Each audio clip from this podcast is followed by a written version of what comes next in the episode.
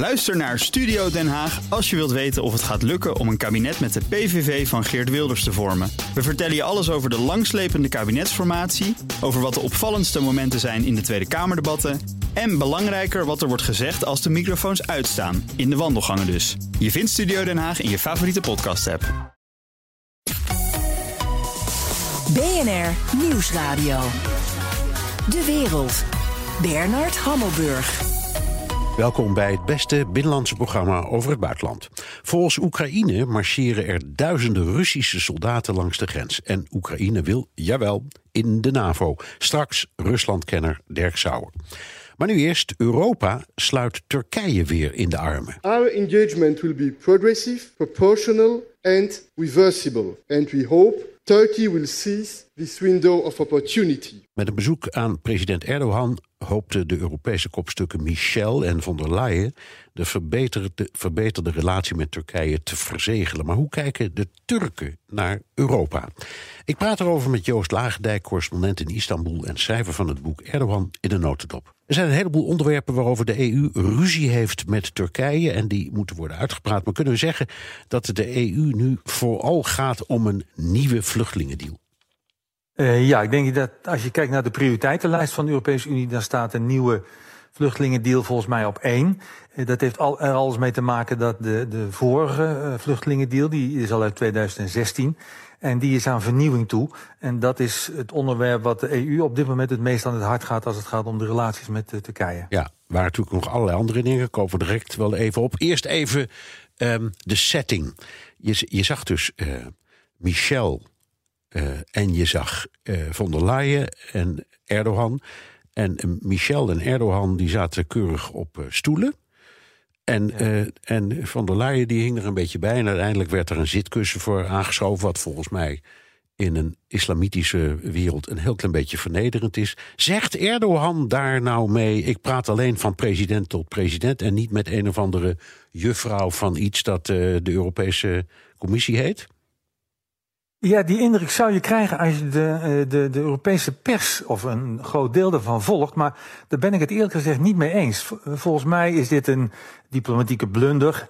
Uh, in de zin dat dit makkelijk had kunnen worden opgelost met een derde stoel.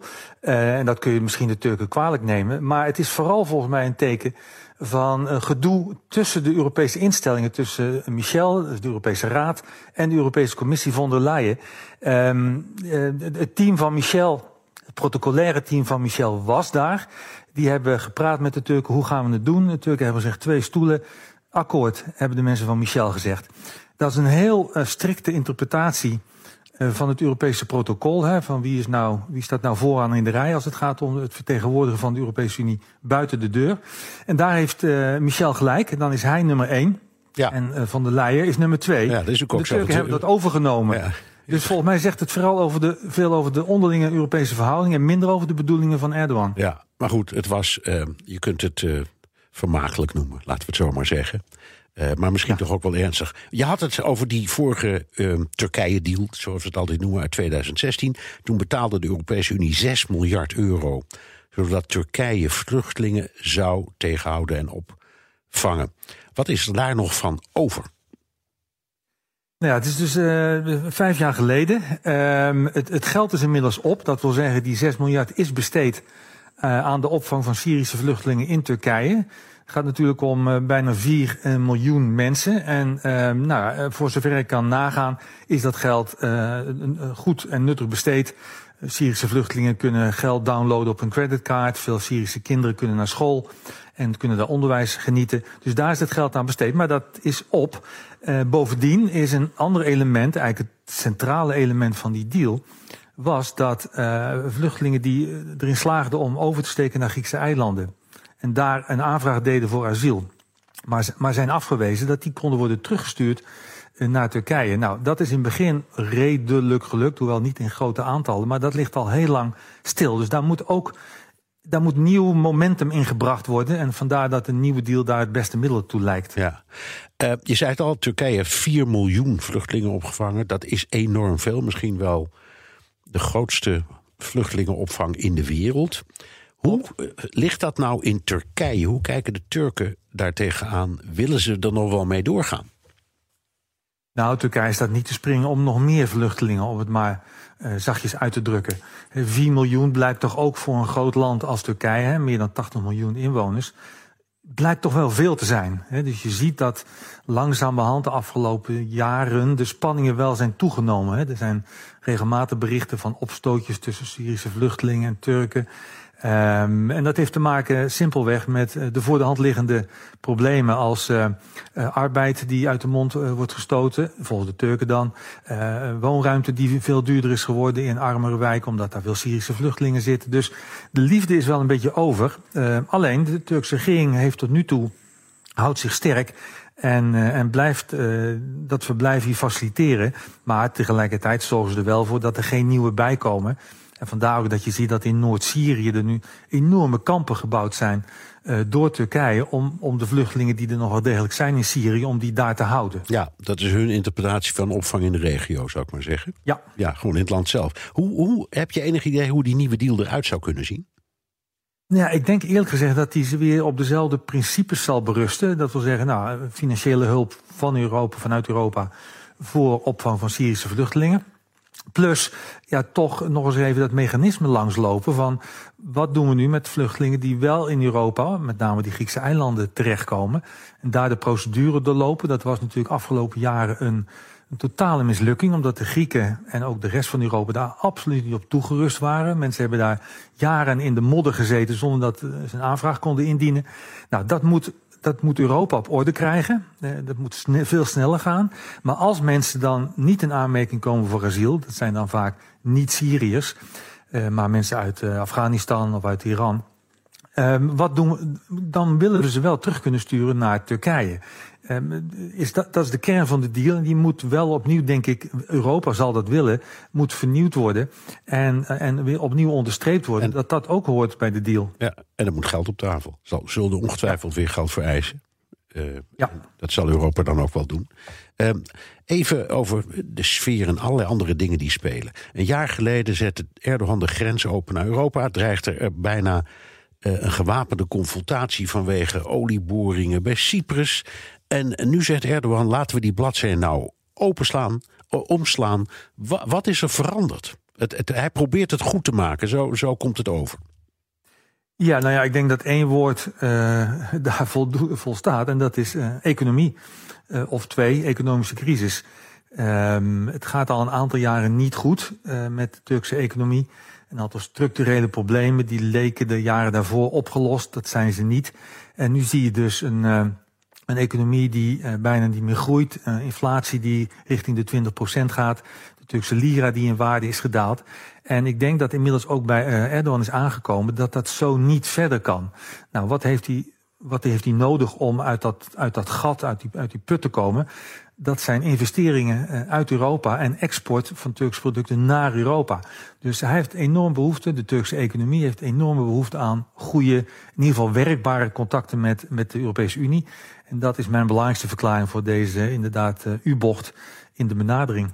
Ja, um, Nederland speelt geen onbelangrijke rol. Hè. Dat is voor Turkije ook een, een belangrijk uh, land wat handel betreft, ook wat investeringen betreft. Is dat ook vastgelopen de laatste tijd? Ja, zeker vergeleken met een aantal jaar terug. Toen, toen stond Nederland, of in ieder geval bedrijven die gevestigd zijn in Nederland, hè, dat zijn soms ook brievenbusfirma's, uh, stond bovenaan de lijst van Europese investeerders. Uh, dat, is, dat is sterk afgenomen. Uh, en dat heeft er alles mee te maken dat, uh, dat veel bedrijven toch een beetje de kat uit de boom kijken. Dat heeft te maken met de politieke ontwikkelingen hier, steeds autoritairder optreden, onzekerheid, waar gaat het land naartoe? En dat heeft een zeer negatieve invloed op de investeringen gehad. En dat is buitengewoon lastig voor Turkije, want investeringen zijn hier geen luxe. De Turkse economie, een van die structurele problemen waar ik het over had, is dat Turkije een tekort op de handelsbalans heeft. Simpel gezegd, Turkije importeert meer dan het exporteert. Nou, dat gat is jarenlang opgevuld tussen die twee met buitenlandse investeringen.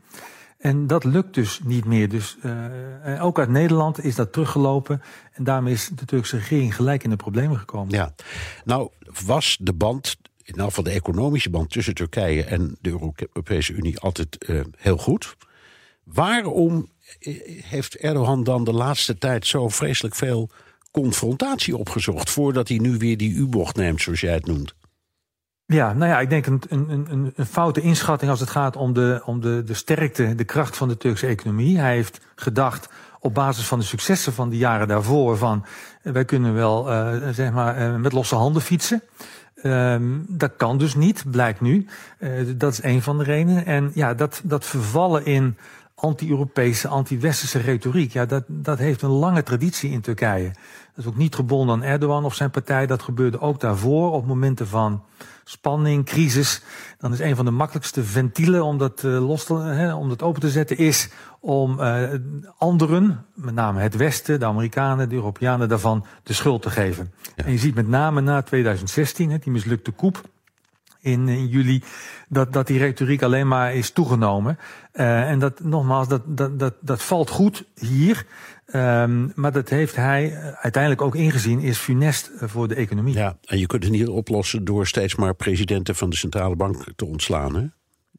Uh, sterker nog, daar, daarmee zijn de problemen alleen maar groter geworden. Ja, precies. Dit is BNR De Wereld. Mijn gast is Joost Lagendijk, correspondent in Istanbul. Ondanks de nieuwe toenadering zijn er tussen de EU, zijn er in de EU ook zorgen over de politieke situatie in Turkije. Michel Michel and I clearly underlined that respect for fundamental rights and the rule of law are crucial for the European Union. Turkey must respect international human rights rules and standards.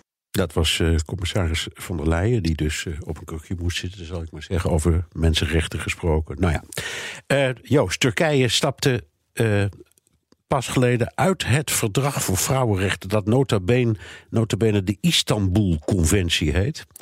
Uh, mm -hmm. De derde partij van het land, de Koerdische HDP, wordt aangepakt door de rechter. Hoe staat het in, het, in, in, in democratische zin het land ervoor? Uh, beroerd. Uh, ik kan helaas niet anders zeggen.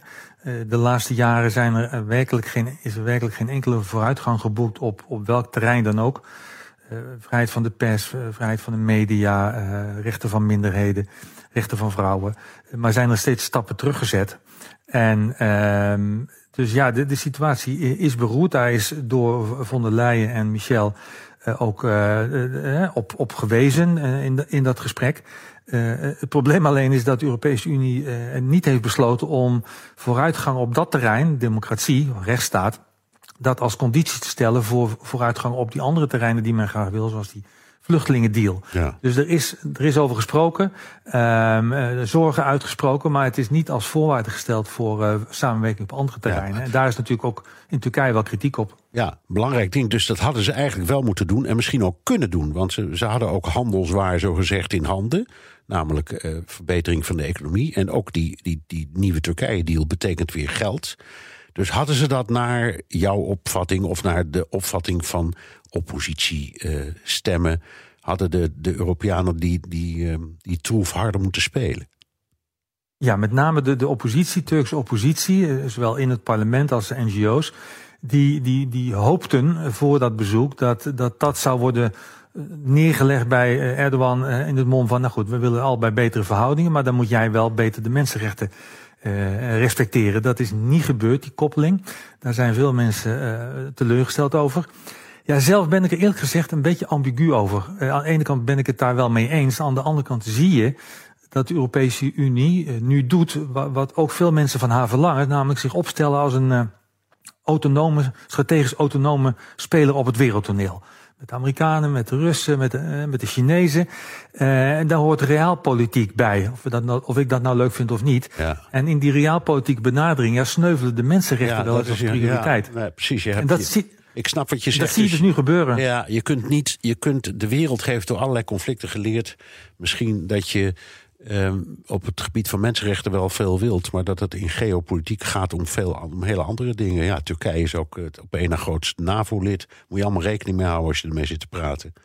Ja. ja. Um, wat merk je nou? Je zegt het gaat beroerd hè? In, in, in, in democratisch opzicht, de, de, zei je net. Hoe merk je dat in het dagelijks leven? Ja, goed, ik bedoel, er, zijn elke dag zijn er wel berichten over uh, uh, mensen, die, uh, journalisten die gearresteerd zijn op basis van totaal nonsens aanklachten. mensen die ook een hoger beroep zijn veroordeeld. In, ja, je noemde het zelf al in je inleiding, Koerdische parlementsleden die, die gekozen zijn, maar toch wie, wie immuniteit wordt opgeheven in het parlement en in de cel belanden. op allerlei terreinen, journalistiek, Koerdische politiek uh, vrouwenrechten, um, zie je een, een, een, voortgaande stroom van verslechteringen. En daar, daar word je af en toe niet vrolijk van nee. in het land. Um, nee. Het land gaat naar uh, het jaar 2023, de rest van de wereld hopelijk ook. Dan willen ze een man op de maan zetten, de Turken. Er zijn verkiezingen in Turkije. De republiek bestaat 100 jaar. Um, is dat belangrijk voor Erdogan en trouwens ook voor de rest van het land? Want dat zijn natuurlijk allemaal magistrale gebeurtenissen. Maar hoe, hoe speelt dit allemaal? Ja, 2023 is, dat, is een jaar, jaar waar al uh, ongeveer twee decennia naar, naar wordt uitgekeken. Niet alleen door Erdogan, maar ook door de rest van het land. Hè. Nou, 100 jaar bestaan, dat is natuurlijk wel wat. Dus er zal in dat jaar, uh, kan ik nu al voorspellen, enorm veel uh, spectaculairs gaan gebeuren. Nou, voor, voor Erdogan speciaal is dit altijd eigenlijk voor, in mijn visie, mijn analyse, zijn ultieme droom geweest. Namelijk vader des vaderlands zijn, sterke president in het jaar van het 100 jaar bestaan, eh, waardoor hij met recht kan claimen dat hij na Atatürk, de, de, eerste vader des vaderlands, eigenlijk de tweede grote Turkse leider is. Dat is wat hij altijd gewild heeft. Daarvoor heeft hij alles gedaan tot nu toe. En daarvoor doet hij ook nog steeds alles. Dus alles wat, je nu, wat hij nu doet rond de economie, verhoudingen met Europa herstellen, heeft allemaal één ultiem doel er nog zitten in 2023 en dan bij voorkeur ook de presidentsverkiezingen winnen. Dan, dan is zijn, ja. uh, zijn politieke leven vervuld, zou je kunnen zeggen. Ik, ik, ik, maar ik zit te denken aan Atatürk. Die, die, die, naar mijn idee is wat hij heeft gedaan... dat hij er een compleet seculiere samenleving van heeft gemaakt. Dus het, het Arabische schrift werd vervangen door het Latijnse schrift. De vers werd verboden, de hoofddoek werd verboden. Het land moest zich veel meer richten naar het Westen als onafhankelijke grote macht. Nou, dat kun je van, dat kun je van Erdogan nou bepaald allemaal niet beweren. Die draait het allemaal zelfs een beetje terug, naar mijn gevoel. Zeker, zeker. Nou ja, kijk, kijk Erdogan vertegenwoordigt de stroming uh, uh, in de Turkse samenleving... Die, die altijd grote moeite heeft gehad met die hervormingen van uh, Atatürk. He, want je zei, uh, Atatürk heeft van Turkije een, een seculiere samenleving gemaakt, maar hij heeft vooral uh, van Turkije een seculiere staat gemaakt. Terwijl de samenleving in grote mate. ja, dat, is, het was natuurlijk van boven opgelegd. Dat is het was van boven opgelegd. Ja. En, je, en je ziet nu dus dat, dat het aan de macht komen van de AKP is eigenlijk de, de laatste stap in een ontwikkeling, in een maatschappelijke ontwikkeling, waarbij die groepen, die dus decennia lang eigenlijk in de marge zaten politiek, die, die hebben nu de macht gegrepen. En, en je ziet daar dus uh, ook de nodige wraakgevoelens van nu zijn wij aan de macht. En nu maken wij uit wat er gebeurt in het land. Dus zijn beeld van 2023 is ook niet een, een viering van wat Atatürk allemaal gedaan heeft. Nee, maar, maar hoe hij die erfenis heeft aangepast en bijgebogen in zijn ogen. Ja, dus sommige punten. Erdogan moet als het ware Atatürk wegspelen na 100 jaar. Ziet, ziet, hoe zien, ziet de Turk hem? Is, is dat ook een beetje. Zien ze hetzelfde soort magie als ze destijds in uh, Kamal Atatürk zagen? Nou, even nog of, of hij. Uh, ik, de, ik weet niet of hij Atatürk wil wegspelen. Want vergis je niet, ook bij een deel van zijn achterban, met name Turks nationalistische gedeelte, is Atatürk nog wel populair als als, uh, als degene die toch de Turkse staat heeft gered uit de klauwen van hè, het Westen, die Turkije helemaal wilde, of het Ottomaanse Rijk helemaal ja. wilde opdelen. Dus hij, wat hij probeert is, oké, okay, Atatürk was hartstikke goed in het begin, die heeft ons zelfstandigheid gegeven, maar nu de inrichting van de samenleving, laat dat nou maar aan mij over. Nou, daarvoor kreeg hij na 2002, 2003, toen hij aan de macht kwam, zeker tien jaar lang de handen op elkaar. Veel Turken herkenden zich in hem en, en vertrouwden hem. Uh, want de economie ging het beter, het aanzien van Turkije steeg. Die magie is er wel af bij veel Turken. Ja. Ook bij een deel van de eigen achterban, die, of bij eigen kiezers die vroeger op hem stemden. Uh, dat zie je aan de opiniepeilingen, dat zie je ook aan de reacties nu. Uh, de glans is eraf en in mijn ogen is, is wat hij nu doet nog een aanmächtig proberen om zich vast te klampen aan dat jaar 2023. Ja. Of het nog lukt. Maar of dat, of, dat, of dat gaat lukken is nog maar zeer de vraag. We gaan elkaar tot 2023 nog heel vaak spreken. Dankjewel, Joost Lagendijk, correspondent in Istanbul... en schrijver van het boek Erdogan in de notendop. De wereld. Tijd voor de Europa-update met onze Europa-verslaggever Geert-Jan Haan, maker van BNR's Europa-podcast. Geert-Jan, we moeten het weer over het Sputnik-vaccin hebben, want in Slowakije is dat vaccin geleverd. Maar wat blijkt, de Russen hebben een andere versie van het vaccin geleverd. Wat is er aan de hand? Ja, twee landen in de EU hebben op eigen houtje Sputnik ingekocht: Hongarije en Slowakije. Maar in Slowakije is nog geen Sputnik-vaccin de arm ingegaan. Die liggen daar al sinds 1 maart op voorraad. Nou, dat is bijna zes weken geleden dus. En wat blijkt nu? Het gaat om 200.000 vaccins waarvan de Slowaken niet weten of het wel Sputnik is. Ze weten niet wat ze in huis hebben gehaald. Dat geeft het Slovaaks ministerie van Volksgezondheid ook toe. Naar verhalen in de Slovaakse media hierover op basis van gelekte interne documenten. En ook het Slovaaks medicijnagentschap Sukkel, echt waar, dat is de afkorting Bernard, die bevestigt dit. Ik, kan, ik ben heel goed in niet lachen, Geert-Jan. Ja. Uitstekend. Houd het vol. Oké, maar die zeggen dus ook, er is iets aan de hand. Wat is er aan de hand? Want de EMA is al weken eh, bezig met goedkeuring voor eh, ja. Sputnik. Heeft dat er wat mee te maken? Nou, eh, je hebt als je een vaccin aangeleverd krijgt, dat zijn dan tanks van 1000 liter bijvoorbeeld, dan heb je daar documentatie bij, dan heb je daar papieren bij. Die heeft uh, Slowakije niet gehad. In ieder geval wat ze hebben gehad voldoet niet aan de EU-standaarden. En de Russen komen ondanks herhaaldelijke verzoeken nu niet met de juiste administratie over de brug. En voor Slowakije is 200.000 vaccins een substantieel aantal. Wat de Slowaken wel weten is dat wat zij nu in huis hebben, dat dat anders is dan het prototype Sputnik. Ik probeer het zo helder mogelijk uit te leggen. Dat is een ander type dan dat door de Lancet in een peer review als veilig en effectief werd bestempeld. Je hebt gelijk, de EMA is er nog naar aan het kijken. De Slowaken baseren zich op dat wetenschappelijk artikel van de Lancet. En wat ze nu in huis hebben, de eigenschappen en de waardes van die vaccins, die wijken daarvan af. Het hoeft niet meteen bronwater te zijn, Bernard, wat bij jou dan in de arm zou gaan. Maar je wil wel weten wat je arm in zou gaan. En dus gaan de Slowaken nog een paar keer hiermee de laboratoria in. En zullen ze nu waarschijnlijk wel wachten tot de EMA zegt: EU, wij keuren het gebruik goed. Ja. Of af. Toch is deze week in een flink aantal landen weer interesse in Sputnik getoond. En of dat nou Sputnik is, of vodka of bronwater, ze willen het hebben.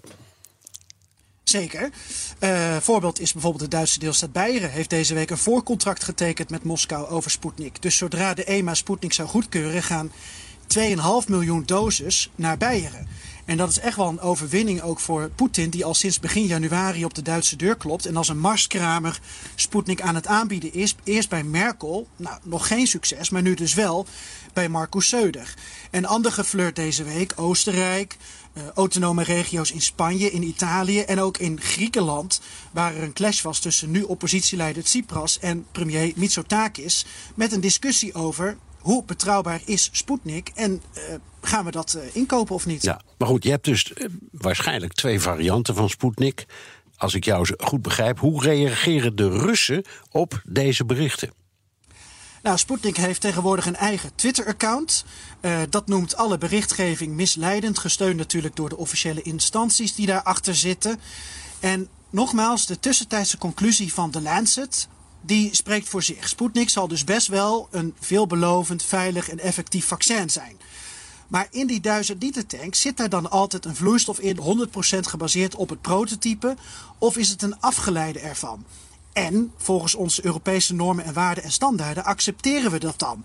Nou, dat is vooral de vraag die Europa nu meer en meer krijgt voorgelegd en waar de EMA zich dus echt over moet gaan buigen. Ja. Wanneer weten we meer? Dat duurt nog wel even, denk ik. Uh, de EMA gaat komend week onderzoek doen naar of de klinische trials van Sputnik wel voldoen aan ethische en wetenschappelijke standaarden. Dat speelt ook nog. Zo meldt de Financial Times deze week. Ook die data staan ter discussie. En het zou dus kunnen dat het wel goed is gegaan. Maar Reuters uh, en de Financial Times die hebben bronnen die zeggen dat de testpersonen. Uh, dat zouden dan onder meer Russische soldaten en ambtenaren zijn. Dat die onder druk zijn gezet in het staatslaboratorium. Nou, resumerend Bernard, ooit was er discussie over of je liever een raket in je tuin had dan een Rus in de keuken. De vraag is nu vooral, als je de Russen in huis haalt, krijg je dan wel een echte Rus in de arm. Dat is iets waar de Slowaken, maar ook de EMA zich hopelijk spoedig over zal buigen. Ja, en, en tenslotte, hoe heet ook weer dat, uh, dat medicijnagentschap in, in Slowakije?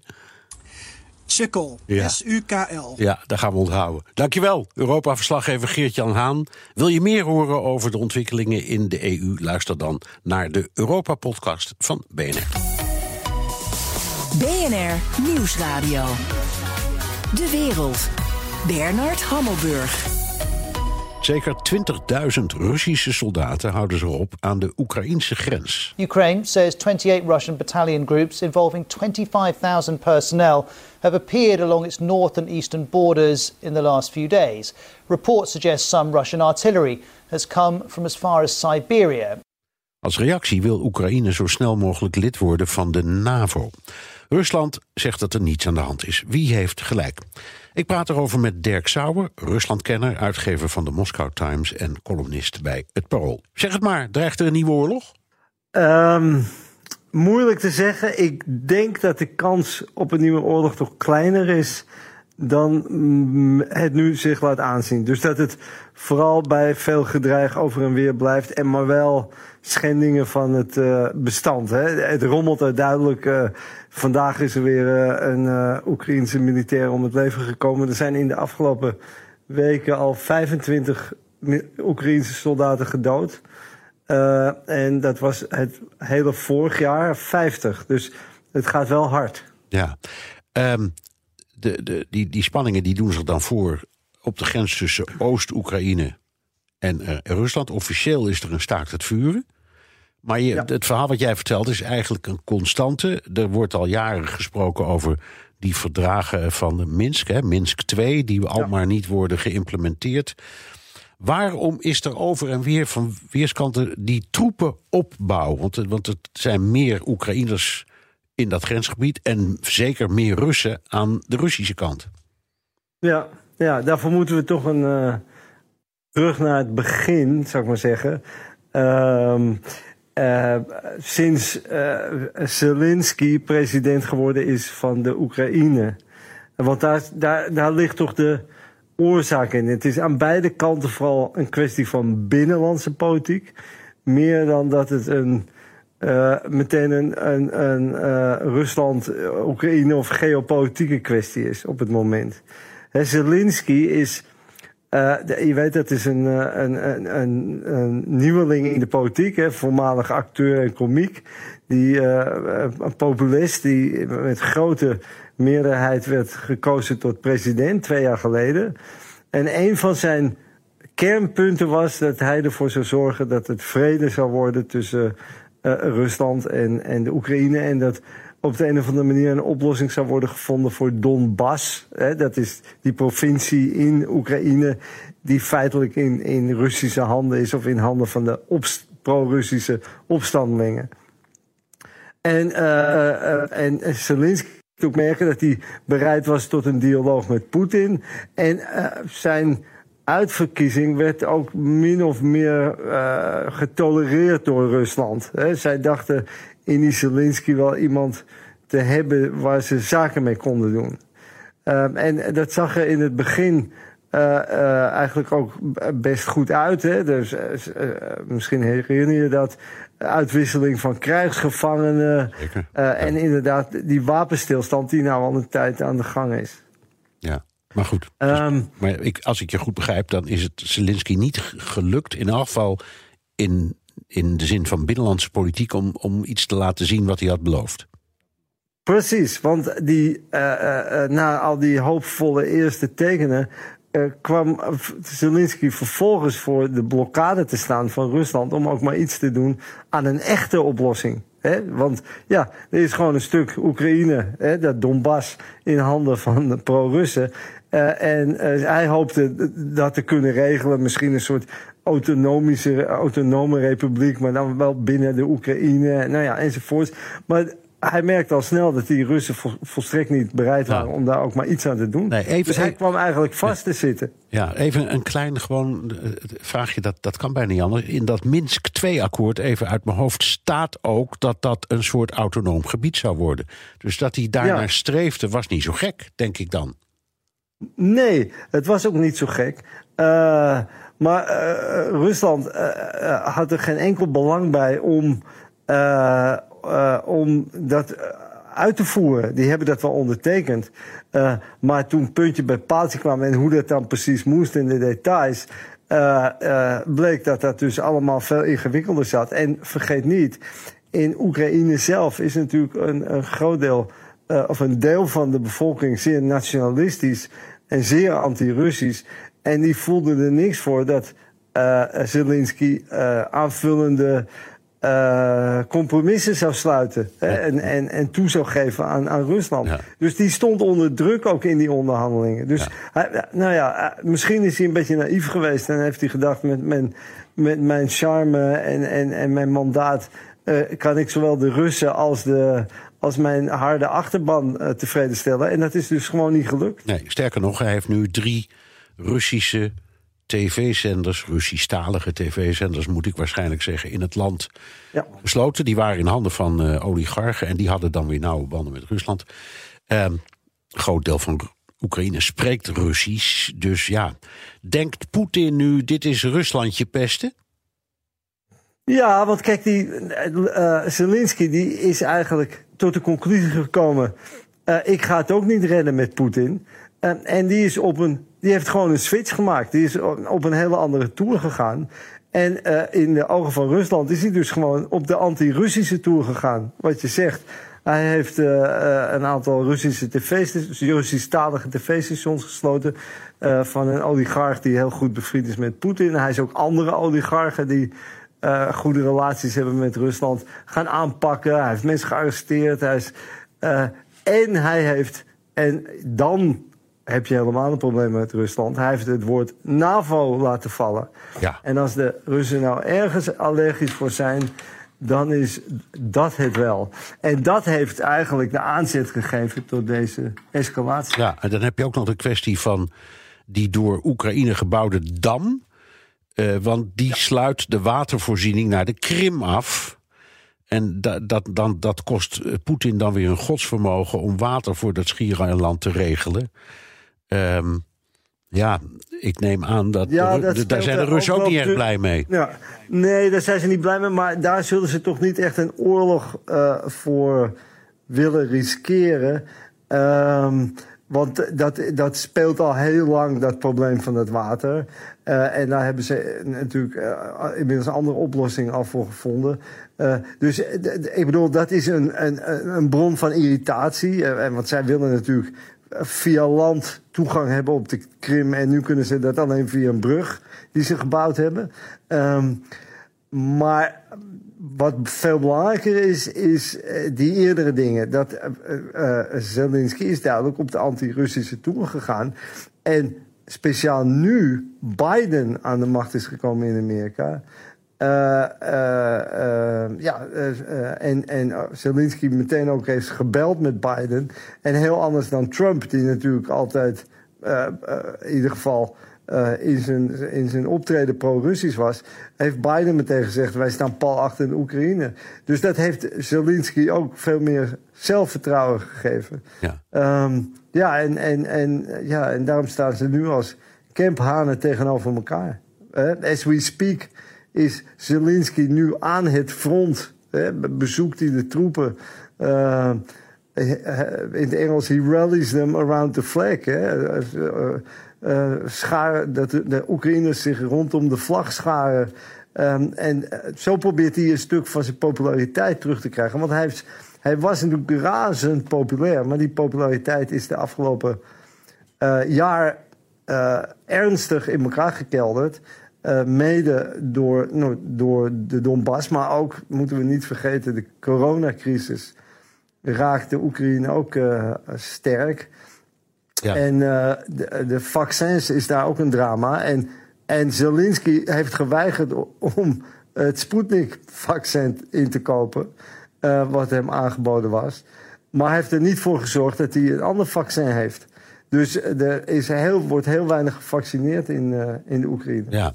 Um, even over de Krim, die oorlog, over de, de, oorlog in de Oekraïne. Die, die begon zeven jaar geleden.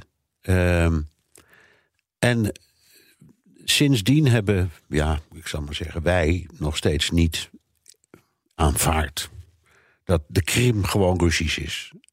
Ehm, is dat de manier waarop de Russen ernaar kijken? Want ik wil, ik wil proberen om het te begrijpen door de Russische, Ja, ogen, door de ogen van de Russische Russen, ogen. Precies. Ja. Ja. Ja, ja, Nou ja, kijk, als je het, zeg maar zeggen, hè, de Rus op straat vraagt, dan is de Krim het nasje. Dat is van ons. Eh, dat is een heel breed gedragen ding. Of je nou voor Poetin bent of tegen Poetin, maakt eigenlijk niet uit. Alle Russen vinden dat historisch gezien de Krim gewoon eigenlijk bij Rusland hoort. En vandaar dat toen, zeven jaar geleden, eh, eh, Poetin die move maakte. eh, eigenlijk heel Rusland daar enthousiast over was. Ja, even, voor de duidelijkheid. De, de, de, in die periode lag de, de Russische vloot daar ook. Ja. Dus het was, Ja. de militair was het ook altijd bij Rusland gebleven, om het zo maar te zeggen. Ja. De bevolking is Russisch of pro-Russisch. Ja, Ehm, ja in grote, overgrote meerderheid. Ja. Ehm, dus denkt de Rus nou. Waarom begrijpen ze in het Westen niet dat dat een vergissing was? Dat dat een tijdje lang Oekraïens was, ooit door Khrushchev een tijdje heeft geleden. Khrushchev heeft ooit, Ja, het- precies, Khrushchev heeft dat ooit eh, in een onnadenkende bui aan. Ja, maar dat was, aan- een, dat aan- was een Oekraïner, Oekraïne. hè? dus die, die dacht misschien Ja, dat. Ja. precies. Nou ja, en Oekraïne hoorde toen nog bij de Sovjet-Unie. Dus toen was het helemaal geen issue eigenlijk. Nee, maar die heeft het Eh, dus eh, als een soort dus- cadeautje aan, aan Rusland, aan, aan Oekraïne gegeven. En de Rus denkt Ja. dan, ja, dat was allemaal schijn. En is, is het nu zo dat de Rus dus denkt, waarom snapt dat Westen dat nou niet? Dus, zeg ik het zo goed? Nee, dat klopt. Dat klopt. Nee, en ik heb ook eh, toen ook zelf eh, eh, eh, gezegd van ja, dat, eh, kijk, officieel mag dat natuurlijk helemaal niet. Hè. Zijn grenzen en, en als je daar gaat sleutelen, dat is, dat is vragen om moeilijkheden. Maar ja, aan de andere kant, was, het, het is wel verklaarbaar. Dit is, kijk, de Oekraïne zelf en Donbass is een heel ander verhaal. Ehm, maar de Krim, ja, dat heeft, dat heeft een geschiedenis. en de mensen daar zijn in meerderheid ook heel erg pro-Russisch. Zijn, zijn blij dat ze een Russisch paspoort hebben nu. Ehm, dus ja, nee, vanuit Russisch perspectief eh, eh, begrijpen ze niet waarom na zeven jaar dat nog steeds zo'n enorm obstakel is. Ja. Dit is BNR De Wereld. Mijn gast is Ruslandkenner Dirk Sauer. Volgens de Russische minister van Buitenlandse Zaken, Lavrov, is de relatie met het Westen dood. We don't have any relations with the European Union as an organization. The infrastructure of further relations was destroyed by unilateral decisions from Brussels. Volgens Lavrov heeft de Europese Unie alle overlegplatforms vernietigd. Dirk, wat betekent die uitspraak? Nou ja, het, het, het bevestigt wat op dit moment de realiteit is. Er is gewoon niet of nauwelijks contact meer tussen de diplomaten. Hè? Als je hier in Moskou ook met, met, met ambassadeurs praat, ehm, dan, dan zitten ze met hun handen in het haar. Want ze- ze- er is gewoon geen dialoog meer. Dat is, en het is een, gigantisch probleem. Ja. Ehm, hoe, hoe is het over zakelijk? Want zakelijk is er ook altijd verkeer geweest. Ook toen er nog een Sovjet-Unie was eh, in de Ja. Koude Oorlog. Dus eh, toen had je ook Ja. grote handelsdeals met de Verenigde Staten. Loopt dat wel nog door? Ja, dat loopt door, omdat wij natuurlijk, eh, eh, ja, je weet eh, hoeveel gasten, de afgelopen jaar is weer heel veel gas vanuit Rusland naar, naar Europa gestroomd. Ehm, en Nord Stream 2, die, die pijpleiding, die wordt op het moment afgebouwd. Ehm, dus dat gaat wel allemaal gewoon door. Ehm, eh, maar door de sancties zijn de investeringen bijvoorbeeld enorm afgenomen. Hè. Als je ook ziet hoeveel westerse bedrijven nu actief zijn en westerse zakenmensen die nog gewoon fysiek aanwezig zijn in Moskou, dat is een fractie van, eh, van twee, drie jaar geleden. Ja. En overigens, je zei net, eh, Oekraïne wil geen eh Sputnik-vaccin. Maar Hongarije wel. Dus dat is, moet dan ook weer even aan denken als je praat over de band met Ja. Europa. Ehm, ja. Hoe, hoe ziet de, de Rus, de gewone Rus, ons, de EU? Zijn wij de bloeddorstige vijand? Zijn wij, we zijn natuurlijk altijd een beetje de vijand geweest. Maar is dat nog Nou, steeds zo of nee, erger helemaal geworden? niet. Eh, eh, Nee, dat is helemaal niet zo. Europa zien ze helemaal niet als de vijand. Eh, in de Russische propaganda ook is het altijd Amerika. Hè? Europa is, is de slaafse volger van Amerika. Maar Europa zelf, de, de, dat- daar heeft niemand wat op tegen. Sterker nog, de meeste Russen eh, eh, eh, dromen ervan om, in, om, om naar Europa te gaan. Of, of, het- of het nou op vakantie is, of, of, of, of daar te gaan werken of wonen. Ja. Ehm, nou, in, in dus Amerika zie je er ook een hoop hoor. ja, Dus zeker, zeker. ja. Maar het gaat even om het, om het vijandbeeld. Hè? Ja. Dus, en ook in de Russische, op de staatstelevisie, die natuurlijk dat allemaal voedt, eh, gaat het vooral over Oké, Amerika. je, zei, je, noemde al, Ehm. je noemde de naam Biden al eerder, omdat je zei, ja. die was nog niet aan de macht of die begon meteen Oekraïne te steunen. En dat viel niet lekker. Dat, na de periode Trump. Hoe kijkt nou eh, de Russische, in de eerste plaats de Russische politiek, hoe kijkt het Kremlin naar Biden? Nou, eh, gemengd. Eh, kijk, eh, dat, die via Trump is natuurlijk voor hun een enorme deceptie geweest. Hè? Ik bedoel, toen Trump werd ge- ge- ge- gekozen, toen eh, eh, werden de champagneflessen ontkurkt in de, in de Duma en in het Kremlin. Want ze dachten, nu, nu gaat het allemaal gebeuren. En wat bleek, die Trump die bleek zo onbetrouwbaar als de pest. Die zei vandaag dit en morgen dat. Ehm, en bovendien had hij natuurlijk dat congres eh, dat hem op zijn nek zat. Dus van die detente tussen Amerika en Rusland is helemaal niks terechtgekomen. Dus in die zin denken ze dat ze met Biden in ieder geval eh, eh, eh, een stabiele iemand hebben. Een, een, weliswaar een vijand, meer dan Trump, maar een meer voorspelbare vijand. Ja. En ook een vijand die bereid is om op bepaalde dossiers wel te onderhandelen en op andere niet. Hè? Iran is daar een goed voorbeeld van. De Amerikanen en de Russen praten gewoon over Iran. Ehm, Ja, ze praten Dus, ook over een nieuw ontwapeningsverdrag. En er zijn andere hele belangrijke onderwerpen waar ze eigenlijk heel normaal contact over hebben. precies, en dat gaat onder Biden veel beter dan onder Trump. Bij Trump wist je nooit waar je aan toe was. Nee. Eh, Ja, bovendien, dus bij, Trump, zin- bij Trump had je ook Trump aan de ene kant die soms wel aardig sprak over Rusland. En dan vervolgens zijn eigen ministerie dat Rusland weer afbrak.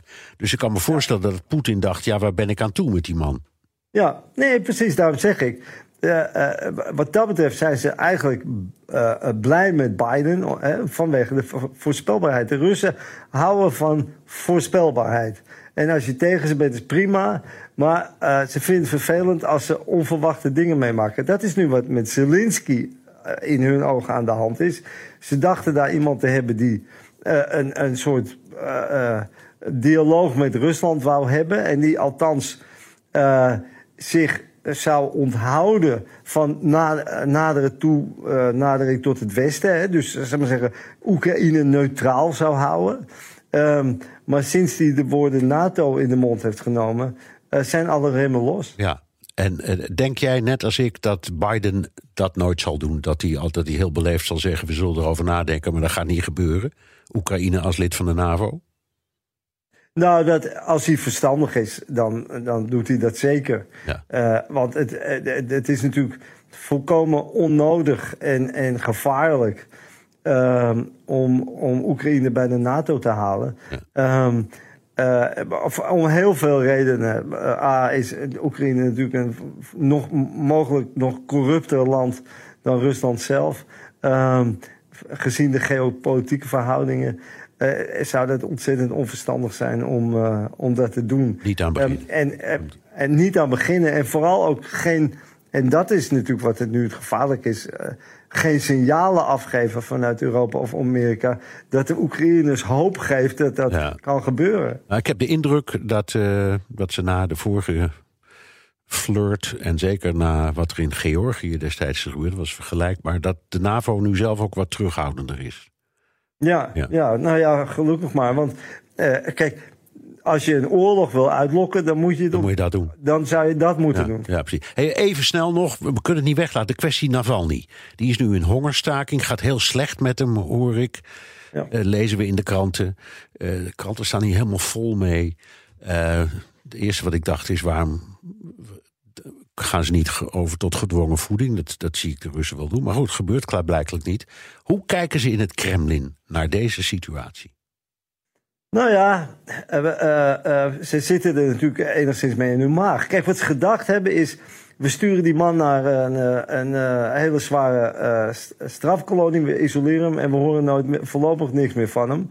Um, en dan houden we hem misschien wel tien jaar vast, net als die Gadarkovsky. Um, en uh, dan komt hij misschien tot inkeren en, en uh, wil hij net als Gadarkovsky, die heeft gezegd van jongens, ik gooi de handdoek in de ring. Laat me gaan, ik ga naar het buitenland. He, da, da, op zo'n scenario hoopten ze. Maar die Navalny, die is, dat is gewoon een, ja, die is niet te stoppen. Um, dus die, hij, hij zat er nog niet.